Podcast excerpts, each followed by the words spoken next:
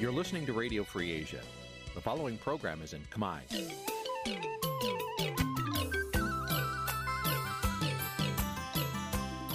Nǐ chi càm bi tiệp xáy vệt chiu a zì sê ray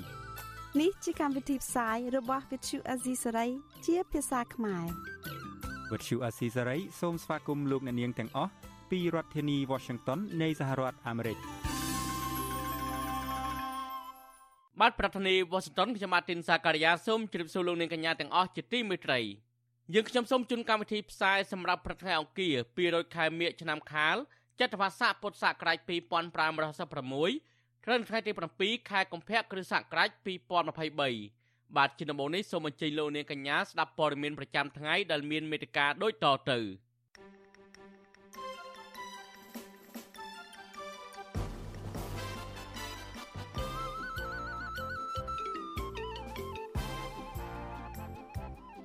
កម្មជនបរិស្ថានប្រតិកម្មក្រុមហ៊ុនធ្វើរបងពាត់យកដីឆ្នេរនៅខេត្តប្រសេះអនុមន្ត្រីបកយុវជនកម្ពុជាជាច្រើនអ្នកលាលែងពីទូនាទីដោយសាររឿងអាស្រ័យពុករលួយអញ្ញាធិខេត្តពោធិ៍សាត់រំលឹកសមាគមគ្រូបង្រៀនកម្ពុជាអាយក្រិចកំណត់អ្នកចូលរួមដង្ហែធម្មយាត្រាមិនលើសពី50នាក់សហគមន៍នៅ3ខេត្តទទួលបានជ័យលាភីពានរង្វាន់សហគមន៍ទេសចរ រួមនឹងព័ត៌មានសំខាន់សំខាន់មួយចំនួនទៀតបានលោកនាយកទីមេត្រីជាបន្តទៅនេះខ្ញុំបាទទីនសាការីយ៉ាសូមជូនព័ត៌មានពិស្ដាមន្ត្រីជាន់ខ្ពស់គណៈបកយុវជនកម្ពុជាជាច្រើនរូបបានលាលែងពីទូនាទីដោយសារតែមិនពេញចិត្តប្រធានគណៈបកនេះដែលចោទលោកពេជ្រស្រស់ថា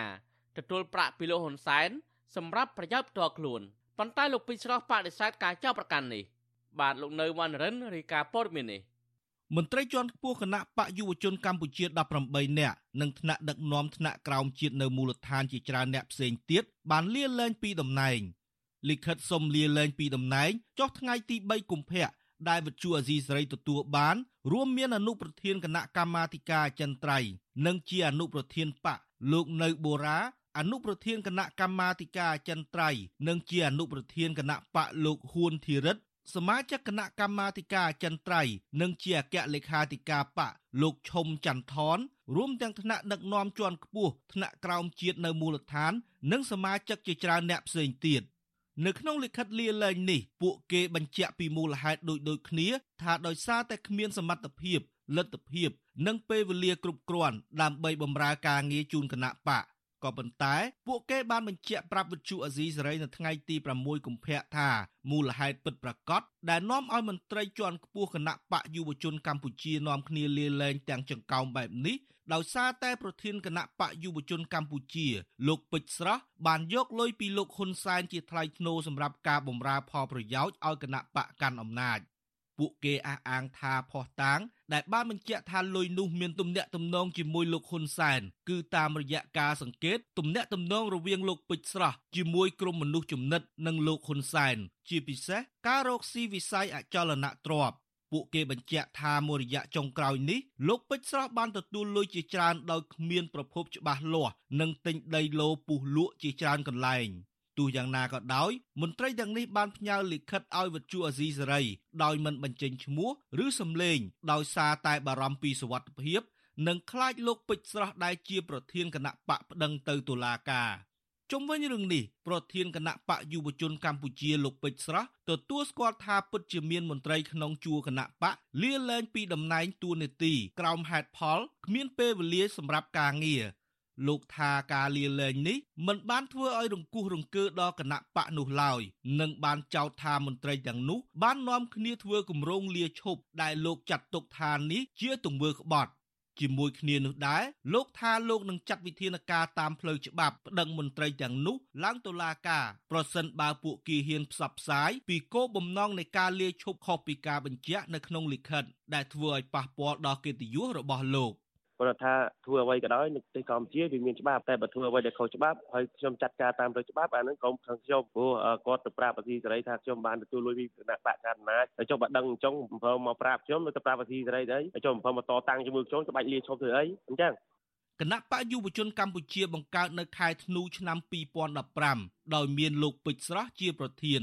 បើទោះជាគណៈបកនេះទើបនឹងចាប់កំណើតមិនទាន់មានសម្លេងគាំទ្រពីប្រជាពលរដ្ឋហើយមិនទាន់មានអាសនៈនៅក្នុងសភាក្តីក៏ប្រធានគណៈបកលោកពេជ្រស្រស់រួមជាមួយប្រធានគណៈបកជាង10ផ្សេងទៀតមានឱកាសផ្សារភ្ជាប់ខ្លួនទៅនឹងគណៈបកកណ្ដាលអំណាចតាមរយៈការទទួលតំណែងជាឧត្តមក្រុមប្រឹក្សាពិគ្រោះនិងផ្ដាល់យោបល់ដែលបង្កើតឡើងក្រោមគំនិតផ្ដួចផ្ដើមរបស់លោកហ៊ុនសែនកាលពីឆ្នាំ2018 ក្រៅពីទួលនីតិជាឧត្តមក្រុមប្រឹក្សាពិគ្រោះនិងផ្ដាល់យោបល់លោកពេជ្រស្រស់ក៏សកម្មនៅក្នុងការបំពេញតួនាទីជាអ្នកថែសួនប្រជាធិបតេយ្យនិងការពារស្លាកសន្តិភាពឲ្យលោកហ៊ុនសែនដែរតាមរយៈការគ្រប់គ្រងកំហុសនយោបាយដែលជាប់ពាក់ព័ន្ធនឹងការរំលោភសិទ្ធិមនុស្សរបស់លោកហ៊ុនសែននិងថ្កោលទោសគណៈបកប្រឆាំងដែលចេញមុខហ៊ានរិះគន់គណៈបកកាន់អំណាច ស្នាដៃរបស់លោកពេជ្រស្រស់ប្រធានគណៈបកយុវជនកម្ពុជា រួមមានការចាប់ដៃគ្នាជាមួយគណៈបកហ្វាន់ស៊ិនពេជ្រដើម្បីប្តឹងរំលាយគណៈបកសង្គ្រោះជាតិនិងប្តឹងគណៈកម្មការរៀបចំបុណ្យសពលោកកែមលីរួមទាំងព្រះដេចគុណបុត្របន្ទិញលោកប៉ាងុនទៀងនិងលោកមឿនដុល្លារពីបទរំលោភលើសេចក្តីទុកចិត្តករណីបច្ច័យបុណ្យសពកាលពីឆ្នាំ2017បើទោះជាគ្រួសារលោកបណ្ឌិតកែមលីបដិសេធមិនដូចការចោទប្រកាន់នេះក៏ដោយ។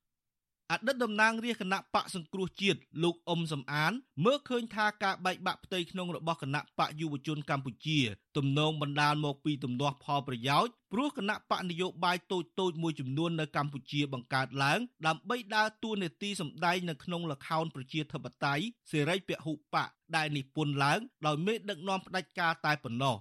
លោកសង្កេតឃើញថានៅក្នុងបរិបទនយោបាយកម្ពុជាបើគណៈបកប្រឆាំងណាហ៊ានចេញមុខរិះគន់រដ្ឋាភិបាល ដោយបើកចំហនឹងត្រូវគណៈបកកណ្ដាលអំណាចធ្វើទុកបុកម្នេញចាប់ខ្លួននិងរំលាយចោលផ្ទុយទៅវិញប្រសិនបើគណៈបកប្រឆាំងណាព្រមធ្វើជាសាវកហែហមជួយទ្រទ្រង់ទេវតាឲ្យលោកហ៊ុនសែននោះពួកគេនឹងបានទទួលគ្រឿងសំណែនទួនាទីក្នុងក្របខ័ណ្ឌរដ្ឋលៀបសការៈនិងផលប្រយោជន៍ជាច្រើនផ្សេងទៀត។ សូមឲ្យយុវជនដទៃទៀតហ្នឹងកុំចាញ់បោកគណៈបកមួយចំនួនដែលបម្រើឲ្យផលប្រយោជន៍គណៈបកប្រជាជនហ្នឹងសូមចាក់ចេញទៅហើយទៅចូលរួមជាមួយគណៈបកប្រឆាំងពិតប្រកបនៅកម្ពុជាទៅកុំចូលរួមជាមួយគណៈបកដែលបម្រើឲ្យគណៈបកប្រជាជនឬក៏គ្រាន់ជាឧបករណ៍របស់គេ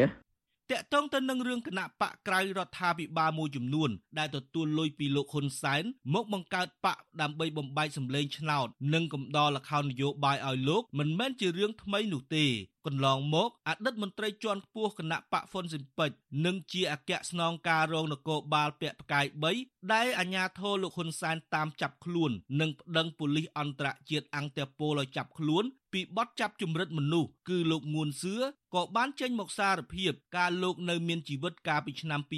2022ថាធ្លាប់ទទួលបានលុយពីលោកហ៊ុនសែនដើម្បីបង្កើតគណៈបកថ្មីមួយ ប្រកួតប្រជែងការបោះឆ្នោតកាលពីឆ្នាំ1998លោកបញ្ជាក់ថាលោកក៏ជាអ្នកដែលធ្វើឲ្យគណៈបកហ្វុនស៊ិនពេចចុះខ្សោយនិងបែកបាក់គ្នាដើម្បីកុំឲ្យគណៈបកមួយនេះមានកម្លាំងមកប្រជែងជាមួយលោកហ៊ុនសែនបន្តទៀតខ្ញុំបាទនៅវណ្ណរិន With Chu Azizi Saray ពីរដ្ឋធានី Washington បាទលោកនាយកទីមេត្រីតទៅនឹងការហាយក្បួនធម្មយាត្រាឯនេះវិញ អាញាធរខេត្តពោធិ៍សាត់បានរំលឹកដល់សមាគមគ្រូបង្រៀនកម្ពុជាឯករាជ្យជាថ្មីម្ដងទៀតអំពីសេចក្តីប្រកាសរបស់ក្រសួងមហាផ្ទៃដែលបានដាក់កំហិតឲ្យអ្នកចូលរួមធម្មយាត្រាមិនឲ្យលើសពី50នាក់សមាគមគ្រូបង្រៀនកម្ពុជាឯករាជ្យចាត់ទុកការដាក់កំហិតឲ្យអ្នកចូលរួមត្រឹមតែ50នាក់នេះមិនមានភាពប្រកបនិយមនិងមិនអាចធ្វើទៅបានហើយអាជ្ញាធរមានចេតនាបំផិតបំភ័យប្រជាពលរដ្ឋដែលមានបំណងចូលរួមធម្មយាត្រានេះទោះជាមានការគៀបសង្កត់បែបនេះក្តី អ្នកចូលរួមធម្មយាត្រានៅតែមានស្មារតីរឹងមាំ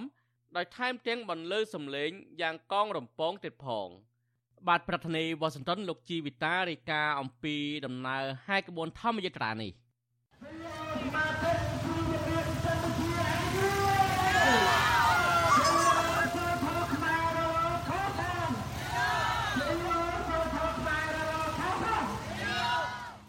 ក្បួនធម្មយាត្រាដឹកនាំដោយសមាគមគ្រូបង្រៀនកម្ពុជាឯករាជ្យដើម្បីលើកកម្ពស់សិលធម៌សង្គមបានធ្វើដំណើរដល់ទីរួមខេត្តពោធិ៍សាត់ហើយនៅថ្ងៃទី6កុម្ភៈបើទោះបីជាស្ថិតនៅក្រោមកម្ដៅថ្ងៃហួតហែងនឹងមានការតាមដានជាប់ជានិច្ចពីសំណាក់អាជ្ញាធរអ្នកចូលរួមដង្ហែធម្មយាត្រាថ្ងៃទី6នេះហាក់មានកម្លាំងចិត្តកាន់តែខ្លាំងនិងបានដើរដោយភាពស្វាហាប់ក្នុងនោះអ្នកចូលរួមដង្ហែធម្មយាត្រាបានកើនឡើងជាង100នាក់ ដោយពួកគេភ ieck ច្រើនគឺជាសមាជិកគ្រូបង្រៀនកម្ពុជាឯករាជ្យនិងប្រជាពលរដ្ឋរស់នៅក្នុងខេត្តពោធិ៍សាត់នេះតែម្ដងឆ្លើយតបទៅនឹងការកោះហៅរបស់រដ្ឋបាលខេត្តពោធិ៍សាត់តំណាងសមាគមគ្រូបង្រៀនកម្ពុជាឯករាជ្យ3នាក់បានទៅសាលាខេត្តពោធិ៍សាត់ដើម្បីពិភាក្សាជាមួយអាជ្ញាធរខេត្តរួចហើយជុំវិញការដង្ហែធម្មយាត្រានៅថ្ងៃទី6ខែកុម្ភៈនេះសមាគមគ្រូបង្រៀនកម្ពុជាឯករាជ្យប្រចាំខេត្តពោធិ៍សាត់អ្នកស្រីកឹមដារ៉ានី ដែលបានជួបពិភាក្សាជាមួយអាជ្ញាធរខេត្តពោធិ៍សាត់ប្រាប់វិទ្យុអាស៊ីសេរីថាកិច្ចពិភាក្សាដែលដឹកនាំដោយអភិបាលរងខេត្តពោធិ៍សាត់គឺលោកពៅពិសិដ្ឋបានជជែកគ្នា3ចំណុចទី1គឺតម្រាយផ្លូវក្នុងការធ្វើធម្មយាត្រា ទី2គឺការកំណត់ចំនួនអ្នកចូលរួមធម្មយាត្រាត្រឹម50នាក់ទី3គឺភាគីអាជ្ញាធរខេត្តស្នើឲ្យអ្នកចូលរួមត្រូវពាក់កាតបញ្ជាក់អត្តសញ្ញាណ ហើយត្រូវផ្ដល់បញ្ជីឈ្មោះអ្នកចូលរួមទាំងអស់ទៅដល់អាជ្ញាធរខេត្តអ្នកស្រីបន្ថែមថាគណៈកម្មការរៀបចំធម្មយាត្រាបានយល់ព្រមដើរតាមតម្រាយផ្លូវដែលអាជ្ញាធរខេត្តស្នើសុំក៏ប៉ុន្តែអ្នកស្រីមិនយល់ស្របចំពោះការដាក់កំហិតឲ្យអ្នកចូលរួមដង្ហែធម្មយាត្រាត្រឹម50នាក់នោះឡើយព្រោះការកំណត់បែបនេះគឺជាការបិទសិទ្ធិសេរីភាពរបស់ប្រជាពលរដ្ឋដែលមានបំណងចូលរួមធម្មយាត្រា សម្រាប់ខ្ញុំក្នុងធម្មយាត្រាខ្ញុំតែងតែចង់បានភាពអធិកធមចង់បានរីករាយអរំភើបចំពោះការចូលរួមរបស់ប្រជាពលរដ្ឋអញ្ចឹងខ្ញុំសូមសំណូមពរដល់អាជ្ញាធរដែនដីសូមឲ្យគាត់បើកសិទ្ធកុំឲ្យរាំងខ្ទប់ប្រជាពលរដ្ឋក្នុងការចូលរួមមួយធម្មយាត្រាពាក្យថាធម្មយាត្រាមិនមែនជាការលើកទ័ពទៅធ្វើសឹកសង្គ្រាមឯណាគ្រាន់តែការទៅ ធ្វើដំណើរទៅកាន់ទីសក្ការៈបូជាមួយដែលមានវរៈបុរសឃ្លាំងមឿងដែលលោកបានពលីជីវិតដើម្បីប្រទេសជាតិហ្នឹងបើទោះបីជាក្រសួងមហាផ្ទៃបានអនុញ្ញាតឲ្យសមាគមគ្រូបង្រៀនកម្ពុជាឯករាជ្យដង្ហែធម្មយាត្រាក្តីក៏ការដង្ហែធម្មយាត្រានេះរងការគំរាមកំហែងជាច្រើនរូបភាពក្រៅតែពីក្រសួងមហាផ្ទៃបានដាក់កំហិតឲ្យមានអ្នកចូលរួមដង្ហែធម្មយាត្រាត្រឹមតែ50នាក់អាជ្ញាធរខេត្តក៏តែងតែតាមដានអ្នកដង្ហែធម្មយាត្រា និងតាមថតរូបភាពអ្នកចូលរួមផងដែរក្នុងនោះអាជ្ញាធរខេត្តកណ្ដាលបានតាមដេញអ្នកដើរក្បួនធម្មយាត្រាមិនឲ្យស្នាក់នៅក្នុងវត្តឡើយកាលពីយប់ថ្ងៃទី1នៃធម្មយាត្រារីឯថ្នាក់ដឹកនាំសាលាខេត្តពោធិ៍សាត់និងកំពង់ឆ្នាំងវិញពួកគេមិនបានអនុញ្ញាតឲ្យសមាជិកសមាគមគ្រូបង្រៀនកម្ពុជាឯករាជ្យទៅចូលរួមដង្ហែធម្មយាត្រានេះឡើយសមាគមគ្រូបង្រៀនកម្ពុជាឯករាជ្យចាត់ទុកទង្វើថ្នាក់ដឹកនាំសាលាខេត្តបែបនេះ ថាជាការរឹតបន្តឹងសិទ្ធិសេរីភាពគ្រូបង្រៀនយ៉ាងធ្ងន់ធ្ងរនៅក្នុងការចូលរួមការងារសង្គមជុំវិញរឿងនេះទីប្រឹក្សាសមាគមគ្រូបង្រៀនកម្ពុជាឯករាជ្យលោករងឈុនមានប្រសាសន៍ថាគណៈកម្មការរៀបចំក្បួនធម្មយាត្រាមិនអាចកំណត់ចំនួនអ្នកចូលរួមដង្ហែធម្មយាត្រាត្រឹម50នាក់បាននោះឡើយលោកបន្ថែមថាគណៈកម្មការរៀបចំក្បួនធម្មយាត្រាមិនអាចដេញប្រជាពលរដ្ឋចេញពីក្បួនធម្មយាត្រាបានឡើយ ព្រោះពួកគេបានស្ម័គ្រចិត្តចូលរួមដង្ហែដោយខ្លួនឯងហើយសកម្មភាពបែបនេះគឺជាការអនុវត្តសិទ្ធិសេរីភាពបញ្ចេញមតិដែលស្របតាមរដ្ឋធម្មនុញ្ញនិងសិទ្ធិមនុស្សជាសកលឆ្លើយតបទៅនឹងការស្នើសុំឈ្មោះអ្នកចូលរួមនិងធ្វើកាតឲ្យអ្នកចូលរួមដង្ហែធម្មយាត្រាវិញលោករងឈុនលើកឡើងថា ខាងសមាគមអាចបញ្ជាក់ចំនួនអ្នកចូលរួមក៏ប៉ុន្តែមិនអាចធ្វើកាតនិងផ្ដល់ឈ្មោះអ្នកចូលរួមដង្ហែធម្មយាត្រាទៅអាជ្ញាធរខេត្តបាននោះឡើយ។ បើចូលរួមច្រើនកាលណាបង្ហាញអំពីការចង់បានរបស់ប្រជាពលរដ្ឋនៅសិលធម៌សង្គមនៅកម្ពុជារបស់យើងនឹងដូច្នេះយើងមិនអាចទៅហាមឃាត់មិនអាចរារាំងគាត់មិនឲ្យចូលទេអញ្ចឹងយើងស្វាគមន៍ពួកគាត់អញ្ជើញមកចូលរួមទោះបីចំនួនប៉ុន្មានក៏ដោយសមាគមគ្រូបង្រៀនកម្ពុជាឯករាជ្យនឹងបញ្ចប់ក្បួនធម្មយាត្រានៅថ្ងៃអង្គារទី7ខែកុម្ភៈ ត្រង់ចំណុចរូបសំណាកអ្នកតាឃ្លាំងមឿងក្នុងខេត្តពោធិ៍សាត់គណៈកម្មការរៀបចំក្បួនធម្មយាត្រាបញ្ជាក់ប្រាប់វិទ្យុអាស៊ីសេរីថាក្បួនធម្មយាត្រានឹងធ្វើពិធីសាសនាបួងសួងសូមប្រលឹងបុព្វបុរសអ្នកស្នេហាជាតិជំរុញទឹកចិត្តឲ្យអ្នកដឹកនាំប្រទេសនិងអ្នកនយោបាយប្រកាន់ភ្ជាប់នឹងលើកកម្ពស់សិលធម៌ក្នុងការបំពេញតួនាទីរបស់ខ្លួន និងប្រើប្រាស់សម្ដីប្រកបដោយក្រមសីលធម៌ដើម្បីផ្សះផ្សាជាតិឡើងវិញ ហើយកម្មវិធីនេះ នឹងត្រូវបញ្ចប់បន្ទាប់ពីលោករងឈុនថ្លែងសារអំពីគោលបំណងនៃធម្មយាត្រារួចរាល់ខ្ញុំជីវិតាអាស៊ីសេរីបាទលោកនេះទីមេត្រីបន្ថែមលើសេចក្តីរាយការណ៍របស់លោកជីវិតានេះនៅយប់ថ្ងៃអង្គារទី7កុម្ភៈនេះយើងនឹងមាននីតិវិទ្យាអ្នកស្ដាប់វិទ្យុអាស៊ីសេរីដែលនឹងជជែកអំពីសមាគមគ្រូបង្រៀនកម្ពុជាអាយក្រិចបានធ្វើធម្មយាត្រាហែក្បួនទៅដល់គោលដៅ ហើយតំណាងសមាគមគ្រូបង្រៀនកម្ពុជាអាយក្រិចនឹងអញ្ជើញមកចូលរួមធ្វើជាវិក្កាមិនកិត្តិយសដើម្បីរៀបរាប់អំពីឧបសគ្គនិងជោគជ័យនៃការហែក្បួនធម្មយាត្រានេះបាទសូមលោកនាងរងចាំទស្សនានីតិវិទ្យាអ្នកស្ដាប់អាស៊ីសេរីនៅយប់ថ្ងៃទី7កុម្ភៈនេះកុំបីខានប្រសិនបើលោកនាងមានសំណួរឬចង់បញ្ចេញជាមតិយោបល់សូមលោកនាងដាក់លេខទូរស័ព្ទនៅក្នុងខ្ទង់ comment នៅលើបណ្ដាញសង្គម Facebook និង YouTube ដែលយើងកំពុងតែផ្សាយផ្ទាល់នៅពេលនេះ ក្រុមការងាររបស់យើងនឹងហៅទៅលោកនាងវិញ បាទសូមអរគុណ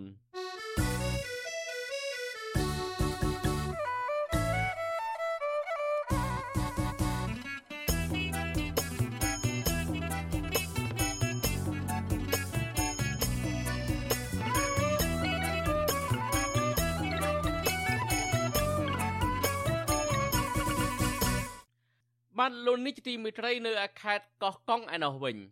បទល្មើសអាចឈើជាច្រើនកន្លែងនៅតំបន់អរ៉ាញខេត្តកោះកុងនៅតែបន្តកើតមានពុំមានអាជ្ញាធរណាទប់ស្កាត់នោះឡើយបទល្មើសព្រៃឈើទាំងនេះមានមុខកាត់ចាប់ពី100សង់ទីម៉ែត្រទៅ200សង់ទីម៉ែត្រត្រូវបានជនល្មើសលួចកាប់បំផ្លាញថ្មីថ្មីដោយខ្លះអាចជ្រៀកចេញជាក្តារបន្ទះទុកចោលនៅតាមជ្រលងភ្នំប្រជាសហគមន៍និងយុវជនស្នើឲ្យអាជ្ញាធរគួរតែទប់ស្កាត់បទល្មើសអាឈើទាំងនោះឲ្យមានប្រសិទ្ធភាព បាទប្រធានាធិបតីវ៉ាស៊ីនតោនលោកសនច័ន្ទរដ្ឋារាយការណ៍ព័ត៌មាននេះក្រមយុវជននិងប្រសង់បានលបាព្រៃអរ៉ែងដែលរកឃើញបលល្មើសអាចឈើកັບទន្ទ្រានព្រៃរាប់រយហិកតានៅដើមឈើធំធំចំនួន3ដើមដែលជាប្រភេទកគៀននិងឈើទាលបានកាប់ផ្ដួលរលំជាបន្តបន្ទាប់នៅចំណុចឃុំចំណប់ស្រុកថ្មបាំងពួកគាត់ឋានរបស់អរ៉ែងសម្បូរដោយធនធានធម្មជាតិសត្វព្រៃកម្រដើមឈើធំធំប៉ុន្តែពេលនេះបែរជាបលល្មើសអាចឈើដល់បើកចំហកាន់តែខ្លាំងហើយផ្ទៃដីព្រៃមួយចំនួន មានក្រុមជលមើចូលកាប់ទន្ទ្រានយកដីធ្វើស្រែចម្ការដោយមិនមានការអើពើពីមន្ត្រីបរដ្ឋាននោះទេបដិជគុណប៉មសុខៃវណ្ណៈមានត្រាដីកាប្រាវិជូអាស៊ីសេរីថ្ងៃទី6កុម្ភៈថាជលមើព្យាយាមអាបដួលដើមឈើធំធំដែលជាប់តាមដងជលងភ្នំទម្លាក់ទឹកដើម្បីងាយស្រួលបណ្ដែតតាមទឹកដឹកជិញក្រៅព្រះអង្គធម្មត្រីបរដ្ឋានបនអរ៉ែងបានបណ្ដាលមកដល់ជលមើចូលអាឈើដោយសេរីស្របពេលបលល្មើសអាចឈើរកឃើញច្រើនកន្លែងដោយពុំមានការទប់ស្កាត់នោះទេ យើងឃើញថាសោកស្ដាយមែនទែននៅពេលដែលសង្ឃបានបបួសហើយត្រូវបានឈ្មោះកាប់យើងមើលឃើញអំពីការអនុវត្តច្បាប់នៅប្រទេសកម្ពុជាយើងមានការឆក់រវែងហើយអសមត្ថភាពក្នុងការរោបបទល្មើសនោះហើយហើយបើតាក់ទងមន្ត្រីមូលដ្ឋាននៅតំបន់នោះគិតថាគាត់អសមត្ថភាពមែនទែនយើងរកឃើញបទល្មើសជាច្រើនហើយអញ្ចឹងអាការកាប់បំផ្លាញហ្នឹងវាអាចពាក់ព័ន្ធជាមួយនឹងមន្ត្រីអាជ្ញាធរមូលដ្ឋានបើកដៃឲ្យ យុវជននិងប្រសង់ប្រមាណ20អង្គអ្នកមកពីបណ្ដាខេត្តនិងរាជធានីភ្នំពេញបានល្បាតព្រៃចាប់ពីខែទី2ដល់ខែទី5ខែកុម្ភៈដើម្បីខ្លំមើលបញ្ហាព្រៃឈើនិងចូលរួមទប់ស្កាត់បទល្មើសព្រៃឈើតំបន់អរ៉ែងដោយពួកគេមើលឃើញថាតំបន់អរ៉ែងកំពុងតែមានបទល្មើសកើតមានច្រើនជារៀងរាល់ថ្ងៃជ្រលងភ្នំអរ៉ែងគឺជាកន្លែងស្រស់ស្អាតមួយក្នុងខេត្តកកុងដែលមានប្រភេទសត្វព្រៃកម្រអមដោយព្រៃឈើស្រស់តកាលបន្សល់ចុងក្រោយនៅកម្ពុជាតំបន់នោះ ជាកន្លែងជនជាតិដើមភាគតិចជងជា1500នាក់កំពុងរនៅជាមួយនឹងបរិស្ថានធម្មជាតិដ៏ស្រស់បំព្រងដែលមានសត្វព្រៃកម្ររនៅរួមមានសត្វក្រពើភ្នំត្រីនាគដំរីធំធំជាដើមប៉ុន្តែជារឿងគួរឲ្យសោកស្ដាយបច្ចុប្បន្នដើមកគីនិងដើមឈើទាលដកតាមបណ្ដោយដងស្ទឹងអរ៉ែងកំពុងប្រឈមការបាត់បង់ទាំងស្រុងដោយសារការកាប់បំផ្លាញព្រៃឈើពីសំណាក់ជនល្មើសជារៀងរាល់ថ្ងៃយុវជនម្នាក់នៅរាជធានីភ្នំពេញដែលបានចូលរួមចលនាព្រៃអរ៉ែងលោករស់សុធេន លើឡាថាតំបន់អភិរក្សច្រាំងកន្លែងនៅកម្ពុជាកំពុងរងការកាប់បំផ្លាញដោយជនល្មើសភេទច្រើនជាប់ពាក់ព័ន្ធក្រុមឈ្មួញនិងអ្នកមានលុយមានអំណាចលោកថាការចូលរួមការពារព្រៃឈើតំបន់អរ៉ៃនេះគឺជារឿងសំខាន់នៅពេលបច្ចុប្បន្នរបស់ប្រជាសហគមន៍មូលដ្ឋាននិងយុវជនដើម្បីធ្វើយ៉ាងណារក្សាព្រៃបានគង់វង្សដើម្បីទទួលបានអេកូទេសចរបែបធម្មជាតិលោកទទួលអាជ្ញាធរគូពង្រឹងការអនុវត្តច្បាប់ឲ្យបានតឹងរឹងលើជនល្មើសមិនត្រូវបណ្ដាលមកដោយតាមអំពើចិត្តនោះទេ បើសិនជានៅតែមានការបង្កឲ្យមានការកាប់បំផ្លាញព្រៃឈើនៅតំបន់ការពារទាំងអស់ទៀតហើយมันមានការធ្វើការអន្តរាគមន៍អំពីផ្លូវច្បាប់និងមានការបំផ្លិចបំផ្លាញបន្តទៀតហើយអ្នកដែលគាត់នៅតែទួលផលសិតតែជាឈ្មួញដែលគាត់អាចនឹងមានការចងជាបណ្ដាញរបស់ពួកគាត់ហើយអាចអ្នកដែលកាប់នឹងគាត់អាចទទួលអន្តផលតិចហើយអញ្ចឹងប្រជាពលរដ្ឋខ្មែរទាំងអស់គឺជាអ្នកដែលទទួលរងទាំងអស់វិទ្យុអេស៊ីសេរី មិនទាន់អាចតតងអភិបាលខេត្តកកុងអ្នកស្រីមិថុនាភូថងបានទេនៅថ្ងៃទី6ខែកុម្ភៈប៉ុន្តែអ្នកនាំពាក្យក្រសួងបរិស្ថានលោកនៃភេត្រាបានតបតាមប្រព័ន្ធ Telegram យ៉ាងខ្លីថាអាញាធិបពពន់កំពុងដោះស្រាយបញ្ហានេះហើយក្រមយុវជននិងប្រសង់បានសហការគ្នាចូលល្បាតនៅតំបន់អរ៉ៃជាញឹកញាប់ដែលមានភូមិសានឃុំចំណប់ស្រុកថ្មបាំងខេត្តកកុងពួកគាត់ក៏សម្គាល់ឃើញថាបលល្មើអាឈើនិងការកាប់ទន្ទ្រានយកដីអភិរក្សនេះបានក្លាយជាប្រព័ន្ធ។ ដូច្នេះពួកគាត់ថាបាអាញាធមមិនទប់ស្កាត់បានតឹងរឹងទេព្រៃអភិរក្សនេះនឹងហិនហោចជុំវិញរឿងនេះប្រធានកម្មវិធីផ្នែកស្រាវជ្រាវនឹងតស៊ូមតិនៃសមាគមបណ្ដាញយុវជនកម្ពុជាលោកហេងកំហុងលើកឡើងថាបលល្មើសព្រៃឈើនៅកម្ពុជា បានក្លាយជាប្រធានបទមួយសាមញ្ញសម្រាប់មន្ត្រីអាជ្ញាធរតាមមូលដ្ឋាន ស្របពេលការបើកដៃជលល្មើសអាឈើនិងដឹកឈើកើតមានជាហូរហែដូច្នេះលោកសង្កេតឃើញថាបលល្មើសអាឈើរបស់អរ៉ែងឬរបងព្រៃអភិរក្សផ្សេងៗនៅកម្ពុជាកើតមាន ដោយសារអាជ្ញាធរមន្ត្រីប្រធានអសមត្ថភាពហើយឆ្លុះវង្វេងនឹងការប្រព្រឹត្តអំពើពុករលួយតាមរយៈការទទួលលុយក្រំតុកពីជលល្មើស ខ្ញុំយល់ថាគណៈកម្មការជាតិប្រឆាំងបទល្មើសព្រៃឈើគួរតែយកចិត្តទុកដាក់ចំពោះរឿងនេះហើយត្រូវតែធ្វើការខាត់ខ្លួនចំពោះបុគ្គលឬក៏មន្ត្រីរូបណាដែលមិនថាថាប្រព្រឹត្តអំពើពុករលួយឬក៏មិនថានៅធ្វើប្រហែសនេះគឺត្រូវតែឲ្យមានការទទួលខុសត្រូវបើសិនជាអត់មានការយកចិត្តទុកដាក់ហើយឬក៏បដិបដោយយកតែប្រាក់ខែហើយហើយហើយតាមនឹងទៅខ្ញុំយល់ថាវានឹងធ្វើឲ្យប៉ះពាល់ទៅដល់និរន្តរភាពធនធានធម្មជាតិរបស់កម្ពុជាសម្រាប់មនុស្សចំនួនក្រោយប្រជាសកម្មនិងសកម្មជនប្រៃឈើ លើកឡើងថាបលល្មើសអាចឈើនៅតំបន់អភិរក្សច្រើនកន្លែងនៅកម្ពុជា បន្តកើតមានជាបន្តបន្ទាប់បើទោះបីជាកន្លងទៅអង្គការជាតិអន្តរជាតិរកឃើញថាអ្នកទិញឈើពីជនល្មើសទៅនេះភាគច្រើនជាអ្នកមានលុយមានអំណាចហើយមានទូនាទីក្នុងជួររដ្ឋាភិបាលក៏ដោយក៏មិនឃើញមានមន្ត្រីអាជ្ញាធរណាមួយចាប់ជនល្មើសនោះទេផ្ទុយទៅវិញអាជ្ញាធរបែរចាប់ប្រកាន់លើប្រជាសហគមន៍ឬក៏សកម្មជនការពារព្រៃឈើដែលហេបង្ហាយពីបលល្មើសព្រៃឈើទៅនេះថាជាអ្នកបំពុលសង្គមហើយមានចេតនាញុយញងធ្វើឲ្យប៉ះពាល់ដល់មុខមាត់រដ្ឋាភិបាលលហ៊ុនសែន។ ខ្ញុំសនចាររថាវិទ្យុអេស៊ីសេរីរាយការណ៍ពីរដ្ឋធានីវ៉ាស៊ីនតោនបាទលោកនេះជាទីមេត្រីវិទ្យុអសិរ័យផ្សាយតាមរលកធាតុអាកាសខ្លីឬ Shortwave តាមកម្រិតនិងកម្ពស់ដូចតទៅនេះពេលព្រឹកចាប់ពីម៉ោង5កន្លះដល់ម៉ោង6កន្លះតាមរយៈរលកធាតុអាកាសខ្លី9390 kHz ស្មើនឹងកម្ពស់ 32m និង11850 kHz ស្មើនឹងកម្ពស់ 25m ពេលយប់ ចាប់ពីម៉ោង7កន្លះដល់ម៉ោង8កន្លះតាមរយៈរលកធាតុអាកាសខ្លី9390 kHz ស្មើនឹងកម្ពស់ 32m និង11885 kHz ស្មើនឹងកម្ពស់ 20m បាទសូមអរគុណ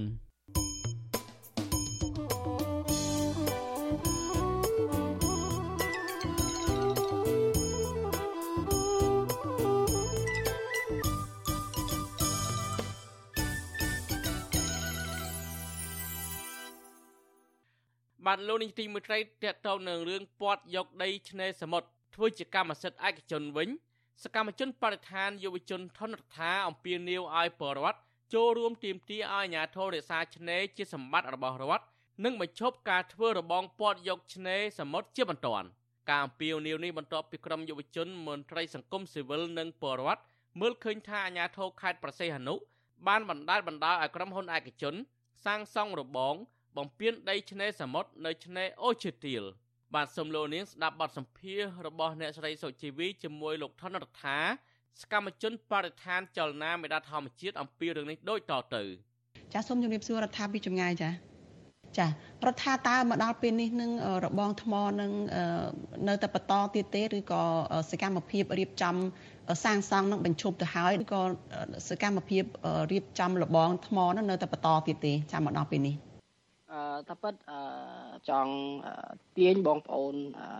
ដែរកាលពីប្រហែលខ្ញុំចាំមិនមិនភ្លេចគឺ3ឆ្នាំមុនហ្នឹងនៅពេលដែលមានការផ្លាស់ប្ដូរ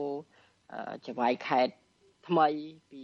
អាយដាមយុនមីនទៅអាយដាមគួចចម្រើនហ្នឹងយើងឃើញថាសកម្មភាពក៏ក្រឹកក៏ក្រែងរឿងគេថាសម្អាតឆ្នេរសមុទ្រនៅឆ្នេរអូឈើទាលខ្ញុំចាំបានថាពេលហ្នឹងគឺមានការ បណ្ដេញប្រជាពលរដ្ឋឬក៏តូបតូចតូចដែលសាងសង់នៅលើដីឆ្នេរហ្នឹងចេញហើយប្រហែលជាចុងខែមករាប្រហែលជាប្រហែលមួយអាទិត្យមុនហ្នឹងក៏ខ្ញុំបានទៅលេងនៅក្រុងបរសែននោះខ្ញុំទៅលេងជាមួយគ្រួសារហ្នឹងក៏យើងឃើញថាការរៀបចំហ្នឹងគឺទាំងផ្លូវទាំងឆ្នេរអីហ្នឹងគឺមានសភាពស្អាតទាំងឆ្នេរអូជទៀលឆ្នេរអូត្រេសដែលខ្ញុំទៅលេងហ្នឹងគឺយើងមិនឃើញមានតូប តូចតូចនៅតាមឆ្នេរបន្តទៀតដោយកាលពីខ្ញុំទៅកំឡុងពី3 4ឆ្នាំមុនទេប៉ុន្តែខ្ញុំក៏ក៏ខ្លាចចិត្តដែរខ្ញុំឃើញសំណង់ហ្នឹងសាងសង់នៅឆ្នេរអូឆាទៀនហ្នឹងពាត់លបងហ្នឹងខ្ញុំឃើញនឹងទៀតតែខ្ញុំមិនចាប់អារម្មណ៍ថាព្រោះខ្ញុំធ្លាប់ឃើញកាលពីខ្ញុំទៅធ្វើវីដេអូសាមុនតាក់ទងទៅនឹងទឹកស្អុយហ្នឹងក៏ធ្លាប់ចូលសម្រាប់ប៉ុន្តែពីមុនគេអត់សង់លបងទេខ្ញុំសួរអ្នកនៅក្បែរនឹងអីចឹងទៅដែលគាត់ រស់នៅកន្លែងនឹងយូរគេថាពីមុនតំបន់ហ្នឹងជាដីបោះរដ្ឋទេហើយខ្ញុំក៏ភ្ញាក់ផ្អើលដែរនៅពេលដែលខ្ញុំឮអ្នកនាំពាក្យសាលាខេត្តបរសៃនុលោកឡុងឌីម៉ងហ្នឹងលើកឡើងថាតាំងពីឆ្នាំ2008អីម្លេះចម្លែកដែរនៅពេលដែលលោកឡុងឌីម៉ងថាតាំងពី2008ហើយអឺជាក់ស្ដែងมันទាន់មានការរស់រើប៉ុន្តែយើងឃើញតាមរយៈប្រព័ន្ធផ្សព្វផ្សាយឬក៏អ្នកដែលបានទៅលេងថតឲ្យមើលហ្នឹង គឺមានតែការញាប់ដៃញាប់ជើងក្នុងការអឺបានថាពីមុនលបងមានមានអត់ដែលយើងមើលឃើញឥឡូវហ្នឹងគឺចាប់ផ្ដើមបូកស៊ីម៉ងដើម្បីឲ្យស្អាតរៀបចំគឺដូចជាហាក់បីដូចជាលឿនជាងមុនហើយយើងមិនឃើញមានអាជ្ញាធរណាចាត់វិធានការព្រោះសំបីតែអាជ្ញាធរលោកឡុងឌីម៉ងហ្នឹងដែលជាអ្នកនាំពាក្យសាលាខេត្តហ្នឹងក៏និយាយថាជាសំណង់ស្របច្បាប់ លក់ទៅឲ្យក្រុមហ៊ុនឯកជនរួចរាល់អីអស់ហើយជារបស់ឯកជនរួចរាល់ហើយខណៈពេលដែលយើងសិតតែទាំងអស់គ្នាហ្នឹងខ្ញុំជឿជាក់ជឿជាក់ថាអស់សំណោចមែនតើខណៈពេលដែលដីឆ្នេរអូជាទៀនហ្នឹងគឺជាទ្រព្យសម្បត្តិសាធារណៈរបស់រដ្ឋហើយជាពិសេសហ្នឹងច្បាប់ភូមិបាលគឺបញ្ជាក់យ៉ាងច្បាស់ថាដីទ្រព្យសម្បត្តិសាធារណៈរបស់រដ្ឋហ្នឹងគឺมันអាចលក់ដូរបានជាដាច់ខាតហើយវាលើកលែងតែ មានការធ្វើអនុប្រយោគច្បាប់អនុប្រយោគប៉ុន្តែកម្ពុជាមិនទាន់មានច្បាប់ស្ដីពីអនុប្រយោគទេតើជាអ្នកបរិស្ថានជាអ្នកដែលស្រឡាញ់ធនធានធម្មជាតិនឹងគ្រប់គ្រងទេនៅក្នុងការដែលមានច្បាប់អនុប្រយោគយកឆ្នេរទៅជារបស់ឯកជនឲ្យពាត់លបងយកបែបនេះ បាទបើសិនជាមានច្បាប់ស្ដីពីអនុប្រយោគគឺយើងអាចនឹងមានការដឹងពីឯកសារព្រោះខ្ញុំជឿជាក់ថាច្បាប់ស្ដីពីអនុប្រយោគគេនឹងចែងយ៉ាងច្បាស់ថាទ្រព្យសម្បត្តិហ្នឹងសម្បីតែច្បាប់ភូមិបាលហ្នឹងក៏បញ្ជាក់យ៉ាងច្បាស់ថាតលតែទ្រព្យសម្បត្តិសាធារណៈរបស់រដ្ឋនឹងវាលែងបំរើប្រយោជន៍សម្រាប់សាធារណៈអញ្ចឹងទើបអាចបំលែងទៅជាទ្រព្យសម្បត្តិឯកជនរបស់រដ្ឋមានសិទ្ធិលក់ ឬក៏ជួលតាមរយៈច្បាប់អនុប្រយោគប៉ុន្តែបាននិយាយពីឆ្នៃអូចទៀលសំណួរសុថាតើឈប់បំរើប្រយោជន៍សាធារណៈរបស់រដ្ឋត្រង់កន្លែងណា គ្រប់ប្រជាពលរដ្ឋខ្មែរដែលទៅលេងកំពង់សោមនឹងចង់ទៅដើរលេងនៅឆ្នេរអូជាទៀលដែលជាកន្លែងដែលស្រស់ស្អាតជាឆ្នេរជាប់ចំណាត់ថ្នាក់ស្អាតជាងគេនៅលើពិភពលោកហ្នឹង តើតើវាបាត់ប្រយោជន៍សាធារណៈនៅអាហ្នឹងគឺជាសំណួរដែលយើងសួរហើយជាក់ស្ដែងនៅកម្ពុជាអត់ទាន់មានច្បាប់ស្ដីពីអនុប្រយោគទេ មានតែអនុក្រឹត្យវិធាននិងនីតិវិធីនៃការធ្វើអនុប្រយោគទ្រព្យសម្បត្តិសាធារណៈរបស់រដ្ឋនិងរបស់នីតិបុគ្គលសាធារណៈដែលខ្ញុំបានអានតកតងទៅនឹងអនុក្រឹត្យនេះគឺបើកសិទ្ធិសេរីភាពពេញលំហឹងឲ្យនាយករដ្ឋមន្ត្រីជាអ្នកលក់ទ្រព្យសម្បត្តិ របស់រដ្ឋហ្នឹងឯកជនរបស់រដ្ឋហ្នឹងហើយអាចមានសិទ្ធិធ្វើអនុប្រយោគហ្នឹងដែលអ្នកជំនាញផ្នែកច្បាប់អីហ្នឹងគាត់បារម្ភពីការដែលតែងតែឃើញមានការចេញអនុក្រឹត្យកាត់ទ្រព្យសម្បត្តិសាធារណៈរបស់យើងទាំងអស់គ្នាម្ដងបឹងតមោកម្ដងបឹងតំពុនម្ដងកន្លែងនេះម្ដងកន្លែងនោះឥឡូវហ្នឹងមកដល់ឆ្នេរអូជាទៀលដែលយើងឃើញ ជាក់ស្ដែងទាំងអស់គ្នាហ្នឹងគឺជាក្តីបារម្ភធំមែនតើហើយសម្រាប់ពួកពួកយើងដែលខ្ញុំអាចថានៅក្នុងថ្ងៃនេះខ្ញុំមិនចាត់ទុកខ្លួនឯងជាសកម្មជនបរិស្ថាននេះខ្ញុំចាត់ទុកខ្លួនឯងជាជាប្រជាពលរដ្ឋសាមញ្ញដោយបងប្អូនទាំងអស់គ្នាខ្ញុំឃើញរូបភាពជាក់ស្ដែងទាំងអស់គ្នាបែបនេះខ្ញុំមានអារម្មណ៍ក្រោកក្ដួលមែនទែនព្រោះវាជាទ្រព្យសម្បត្តិរបស់យើងទាំងអស់គ្នា ជាកន្លែងដែលគេហៅថាបំភ្លេចទុកដូចជា យើងដឹងហើយថានៅពេលដែលមានបញ្ហាធ្ងន់ធ្ងរនៃការអភិវឌ្ឍនៅក្រុងបរសេនុអ្នកណាក៏សំដែងការបារម្ភអ្នកណាក៏ឈឺចាប់អ្នកណាក៏ចង់ឲ្យកំពុងរដ្ឋាតើក្រមយុវជននិងអ្នកស្រឡាញ់បរិស្ថាននឹងអាចនឹងធ្វើអ្វីបានតទៅទៀតទេតកតងនឹងរឿងនេះចាដើម្បីឲ្យអស់ចិត្តជ្រះស្រឡះក្នុងចិត្តថាមកដល់ពេលនេះនឹងគឺនាំគ្នាសោកស្ដាយតំបន់ឆ្នេរនឹងចា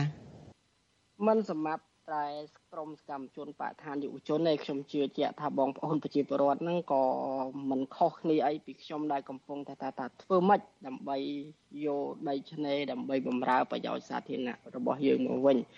ហើយខ្ញុំជឿជាក់ថាឆាប់ឆាប់ខាងមុខនេះអឺនឹងមានសកម្មភាពផ្សេងផ្សេងដើម្បីស្នើឲ្យជាពិសេសហ្នឹងសម្ដេចហ៊ុនសែនហ្នឹងគឺបកគល ទ្រព្យសម្បត្តិនេះមកជាទ្រព្យសម្បត្តិសាធារណៈរបស់រដ្ឋហើយកម្លាំងសាមគ្គីខ្ញុំសូមស្នើឲ្យស្នើម្ដងទៀតដល់បងប្អូនមិនថានៅខាងនិន្នាការគណៈបកប្រជាជនកម្ពុជាគណៈបកភ្លើងទៀនគណៈបកណានិន្នាការណាមួយទេសូមយើងរួមគ្នាដូចភ្នំតាម៉ៅខ្ញុំឃើញបងប្អូនរួមគ្នាដូចភ្នំតាម៉ៅទោះបីជាជាង1000ហិកតា ដែលផ្ដល់អនុក្រិតកាត់ឲ្យអុកញ៉ាលេងនវត្រាក៏ពិតមែនប៉ុន្តែក្រោយពីកម្លាំងសាមគ្គីដែលបងប្អូនតែងតែទៀមទាគេថាមិនមែនគេហៅថាដូចទឹកគេថាមួយផ្លែតទេប៉ុន្តែបងប្អូនទៀមទារហូតហ្នឹងឃើញថាកាត់ឲ្យតែខ្លាចទៅជាទ្រព្យសម្បត្តិបសល់ទុកភ្នំតាម៉ៅមកឲ្យពួកយើងទាំងអស់គ្នាអញ្ចឹងខ្ញុំជឿជាក់ហើយក៏ជឿជាក់ទៀតថា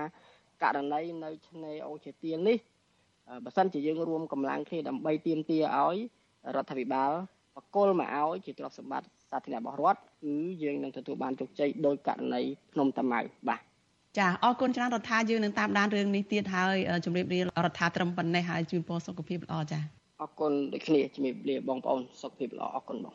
បាទលោកនាងជាទីមេត្រីលោកនាងទៅបានស្ដាប់បទសម្ភាសន៍រវាងអ្នកស្រីសុជីវីជាមួយយុវជនថនរដ្ឋា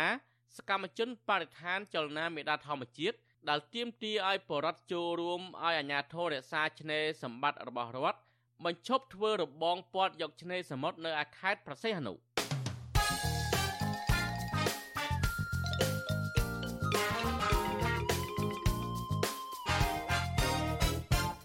បាទលោកនាងទីមួយត្រីតកតងនឹងសហគមន៍ទេសចរវិញសហគមន៍ខេត្តកំពតសៀមរាបនិងខេត្តស្ទឹងត្រែង បានទទួលជ័យលាភីពានរង្វាន់សហគមន៍ទេសចរស្តង់ដារអាស៊ានក្នុងឆ្នាំ2023នៅប្រទេសឥណ្ឌូនេស៊ីក្នុងកិច្ចខិតខំប្រឹងប្រែងថែរក្សាបរិស្ថាន និងធនធានធម្មជាតិបម្រើវិស័យទេសចរក្រសួងទេសចរសាទរចំពោះពានរង្វាន់នេះដោយចាត់ទុកថាជាការលើកទឹកចិត្តឲ្យសហគមន៍បន្តកិច្ចខិតខំប្រឹងប្រែងបន្ថែមទៀតដើម្បីឲ្យជីវភាពរបស់ពួកគាត់រីកចម្រើន។ បាទប្រធានាធិបតីវ៉ាស៊ីនតោនអ្នកស្រីសុជីវីរាយការណ៍ព័ត៌មាននេះប្រធានសហគមន៍ត្រពាំងសង្កែស្រុកទឹកឈូខេត្តកំពត លោកសឹមហ៊ីមបានបង្ហាញបទពិសោធន៍ថាដើម្បីគ្រប់គ្រងសហគមន៍អេកូទេសចរត្រពាំងសង្កែឲ្យមានការរីកចម្រើនចាំបាច់ត្រូវមានសាមគ្គីភាពគ្នារឹងមាំថែរក្សាព្រៃកោងកាងឲ្យគង់វង្សដោយត្រូវសហការល្អជាមួយអាជ្ញាធរជាពិសេសត្រូវគ្រប់គ្រងថវិកាឲ្យមានដំណាភាព លោកសំហ៊ីមថ្លែងបែបនេះក្រោយពីលោកទើបតែទទួលបានជ័យលាភីពានរង្វាន់ទេសចរអាស៊ាន នៅទីក្រុងយូកយ៉ាការតានៃប្រទេសឥណ្ឌូនេស៊ីកាលពីថ្ងៃទី5ខែកុម្ភៈលោកថាការទប់ស្កាត់បទល្មើសនេសាទនិងការអភិរក្សព្រៃកោងកាងឲ្យគង់វង្សគឺជារឿងសំខាន់ព្រោះតំបន់នោះជាប្រភពសេដ្ឋកិច្ចរបស់អ្នកនេសាទនិងជាកន្លែងតាក់ទាញភ្ញៀវទេសចរ។ លោកថាពានរង្វាន់នេះឆ្លុះបញ្ចាំងពីកិច្ចខិតខំប្រឹងប្រែងរបស់សមាជិកសហគមន៍ដែលមានចំនួន3ភូមិហើយបានចាប់ដៃគ្នាអភិវឌ្ឍតំបន់ទេសចរដោយមានអភិបាលខេត្តកំពតលោកម៉ៅធនិនជួយជ្រោមជ្រែង។ គាត់តែចង់ឲ្យសហគមន៍ទាំងអស់ហ្នឹងគាត់មានការចាប់អារម្មណ៍ឲ្យមែនទែនសម្រាប់ធនធានសិល្បៈពិសេសព្រៃព្រៃឈើព្រៃកងកាងដោយសារព្រៃកងកាងវាជាឆ្នាំងក្បាយរបស់អ្នកនេសាទព្រោះព្រៃកងកាងវាជាវិឡារបស់ជីវិតចម្រុះអញ្ចឹងវាមានការកើនឡើងនៃព្រៃកងកាងវានឹងកាត់បន្ថយនៃការចំណាក់ស្រុកអាចជួយបង្កើតមុខរបរនិងប្រាក់ចំណូលដល់អ្នកនេសាទតំបន់អេកូទេសចរសហគមន៍ត្រពាំងសង្កែស្ថិតនៅក្នុងភូមិចំនួន3នៃឃុំត្រពាំងសង្កែក្នុងស្រុកទឹកឈូខេត្តកំពត ដែលមានចម្ងាយ7គីឡូម៉ែត្រពីរង្វង់មូលផ្លែទុរេនសហគមន៍នេះមានព្រៃកោងកាងជិត50ហិកតា មានដែននេសាទជាង500ហិកតា ស្ថិតនៅអមសងខាងព្រែកមួយជាប់ដៃសមុទ្រអមដោយទេសភាពស្រស់បំព្រង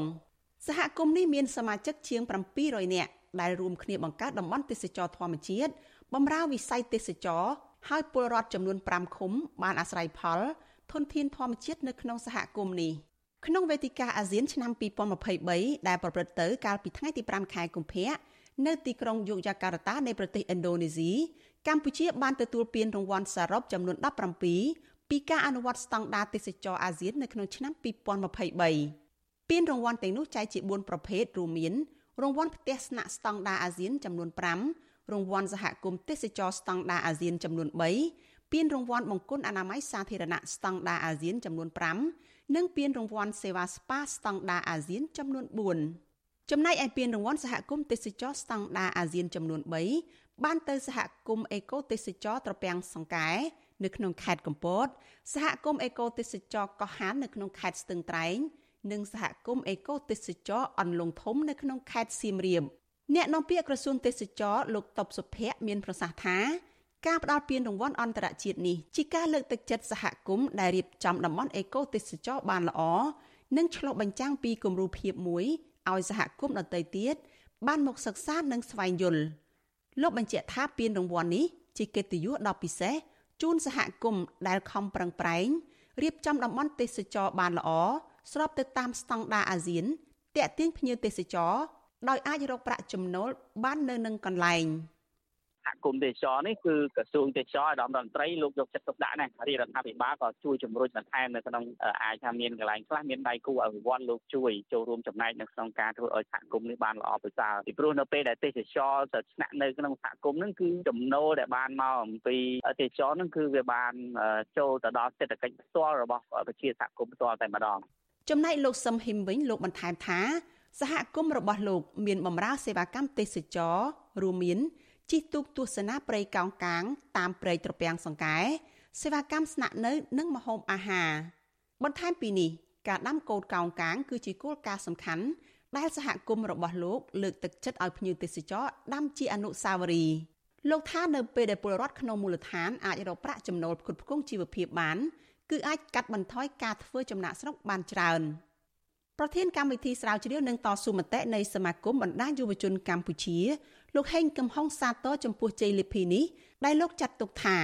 ពលរដ្ឋខ្មែរគ្រប់តំបន់គួរតែចូលរួមការពារនិងប្រើប្រាស់សក្តានុពលធនធានធម្មជាតិនិងបរិស្ថានឲ្យបានល្អប្រសើរ។ រឿងនេះគឺបញ្ជាក់ឲ្យឃើញថាពលរដ្ឋរបស់យើង គួរតែចូលរួមឲ្យបានកាន់តែស័ក្តិស្រាំបន្ថែមទៀតក្នុងកិច្ចការពារធនធានធម្មជាតិសម្រាប់មនុស្សជាតិជាពិសេសក៏សញ្ញាបង្ហាញទៅអ្នកមានសមត្ថកិច្ចគួរតែបង្កើនការយកចិត្តទុកដាក់ចំពោះសកម្មភាពអេកូទេសចរនិងសហគមន៍អេកូទេសចរឲ្យបានច្រើនហើយផ្ដល់ទាំងការគាំពៀផ្នែកលើកទឹកចិត្តផ្នែកមូលនិធិផ្នែកធនធានហិរញ្ញវត្ថុធនធានមនុស្សធនធានបច្ចេកទេសជាដើមក្រសួងទេសចរឲ្យដឹងថានៅកម្ពុជាមានសហគមន៍អេកូទេសចរ80កន្លែង ដែលភាគច្រើនជាតំបន់អេកូទេសចរធម្មជាតិមានព្រៃកោងកាងតាមសមុទ្រទន្លេ និងស្ទឹង ក្រសួងចាត់ទុកតំបន់អេកូទេសចរទាំងនេះថាជាគោលដៅទាញប្រយោជន៍ពីទេសភាពធម្មជាតិតាក់ទាញភ្ញៀវទេសចរទៅលេងកម្សាន្តប្រកបដោយភាពងាយស្រួលកក់ក្ដៅសុវត្ថិភាពស្អាត និងធម្មជាតិបៃតងនាងខ្ញុំសុជីវីវិទ្យុអាស៊ីសេរីពីរដ្ឋធានី Washington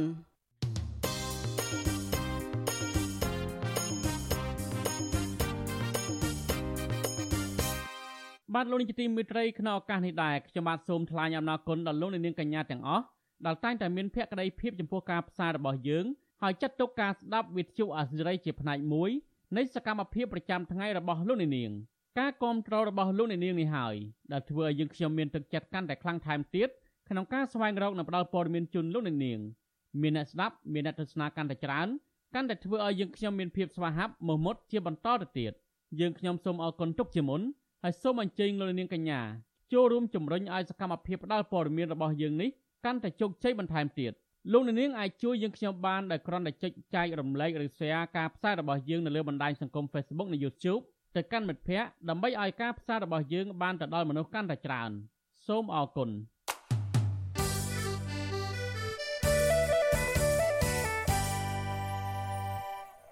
បានលោកនេះទីមេត្រីសាលាដំបងរាជធានីភ្នំពេញគ្មានភ័ស្តុតាងចោទប្រកាន់អតីតមេឃុំជាប់ឆ្នោតគណៈបកប្រឆាំងគឺអ្នកស្រីកឹមដុល្លារក្នុងសំណុំរឿងញុះញង់ប៉ុន្តែតុលាការនឹងប្រកាសសាលក្រមនៅចុងខែកុម្ភៈខាងមុខក្រោយបញ្ចប់សវនាការជំនុំជម្រះសារឡើងវិញកាលពីព្រឹកថ្ងៃទី6កុម្ភៈមេធាវីនិងមន្ត្រីសិទ្ធិមនុស្សស្នើដល់តុលាការទម្លាក់ចោលការចោទប្រកាន់និងដោះលែងអ្នកស្រីកឹមដុល្លារឲ្យមានសេរីភាពជួបជុំក្រុមគ្រួសារឡើងវិញ។ បាទសូមលោកនាងស្ដាប់សេចក្តីរាយការណ៍របស់លោកនៅវណ្ណរិនមួយទៀតអំពីរឿងនេះ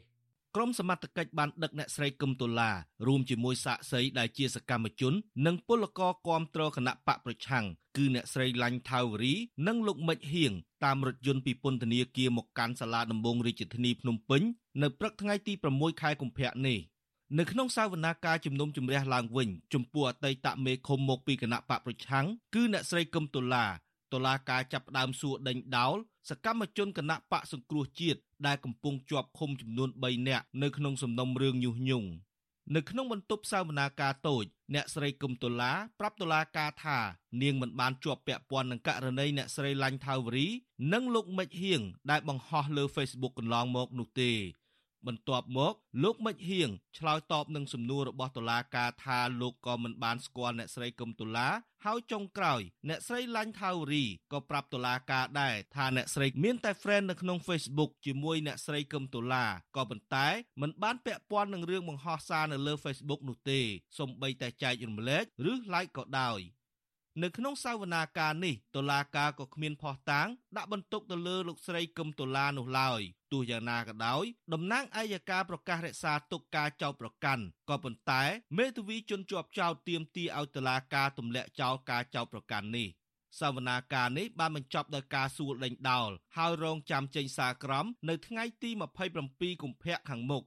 មេធាវីរបស់អតីតមេឃុំជាប់ឆ្នោតនៃគណៈបកសង្គ្រោះជាតិអ្នកស្រីកឹមតុលាគឺលោកកែតខីប្រាប់វិទ្យុអស៊ីសេរីកន្លងមកថាតុលាការគ្រាន់តែប្រើប្រាស់ពាក្យមួយម៉ាត់ដែលអ្នកស្រីឡាញ់ថាវរីឆ្លើយប្រាប់សមត្ថកិច្ចថាស្គាល់អ្នកស្រីកឹមតុលាតាម Facebook នោះតុលាការបានកាត់ទោសកូនក្តីលោកឲ្យជាប់គុក18ខែហើយនេះមិនអាចទទួលយកបាននោះឡើយ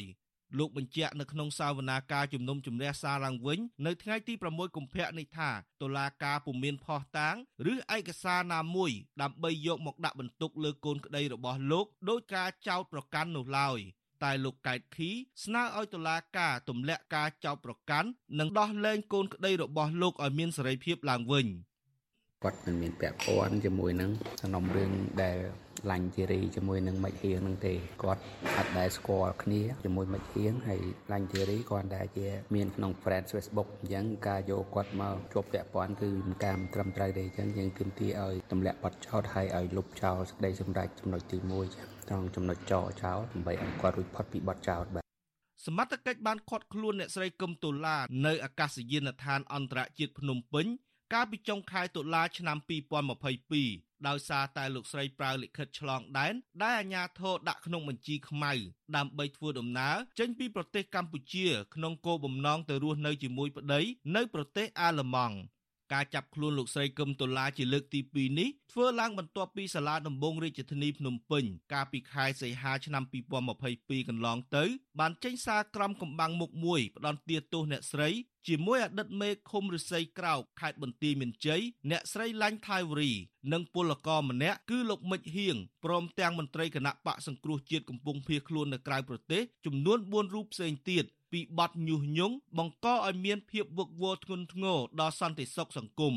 ដោយតុលាការបានកាត់ទោសពួកគាត់ឲ្យជាប់ពន្ធនាគារក្នុងម្នាក់ម្នាក់រយៈពេល18ខែវិទ្យុអាស៊ីសេរីមិនអាចតាក់ទងแนะនាំពាក្យសាលាដំបងរាជធានីភ្នំពេញលោកអ៊ីរ៉ានដើម្បីបញ្ជាក់ជុំវិញរឿងនេះបានទេនៅថ្ងៃទី6កុម្ភៈនេះតាក់ទងនឹងរឿងនេះដែរអ្នកនាំពាក្យសមាគមសិទ្ធិមនុស្សអាត6លោកសឹងសែនករណា ក៏សម្គាល់ថាមេដឹកនាំនិងសកម្មជនគណៈបកប្រឆាំងតែងតែរងការធ្វើទុកបុកម្នេញការចោទប្រកាន់ចាប់ខ្លួនដាក់ពន្ធនាគាររហូតមកដល់សប្តាហ៍ថ្ងៃនេះដោយសារតែរឿងវិវាទនយោបាយ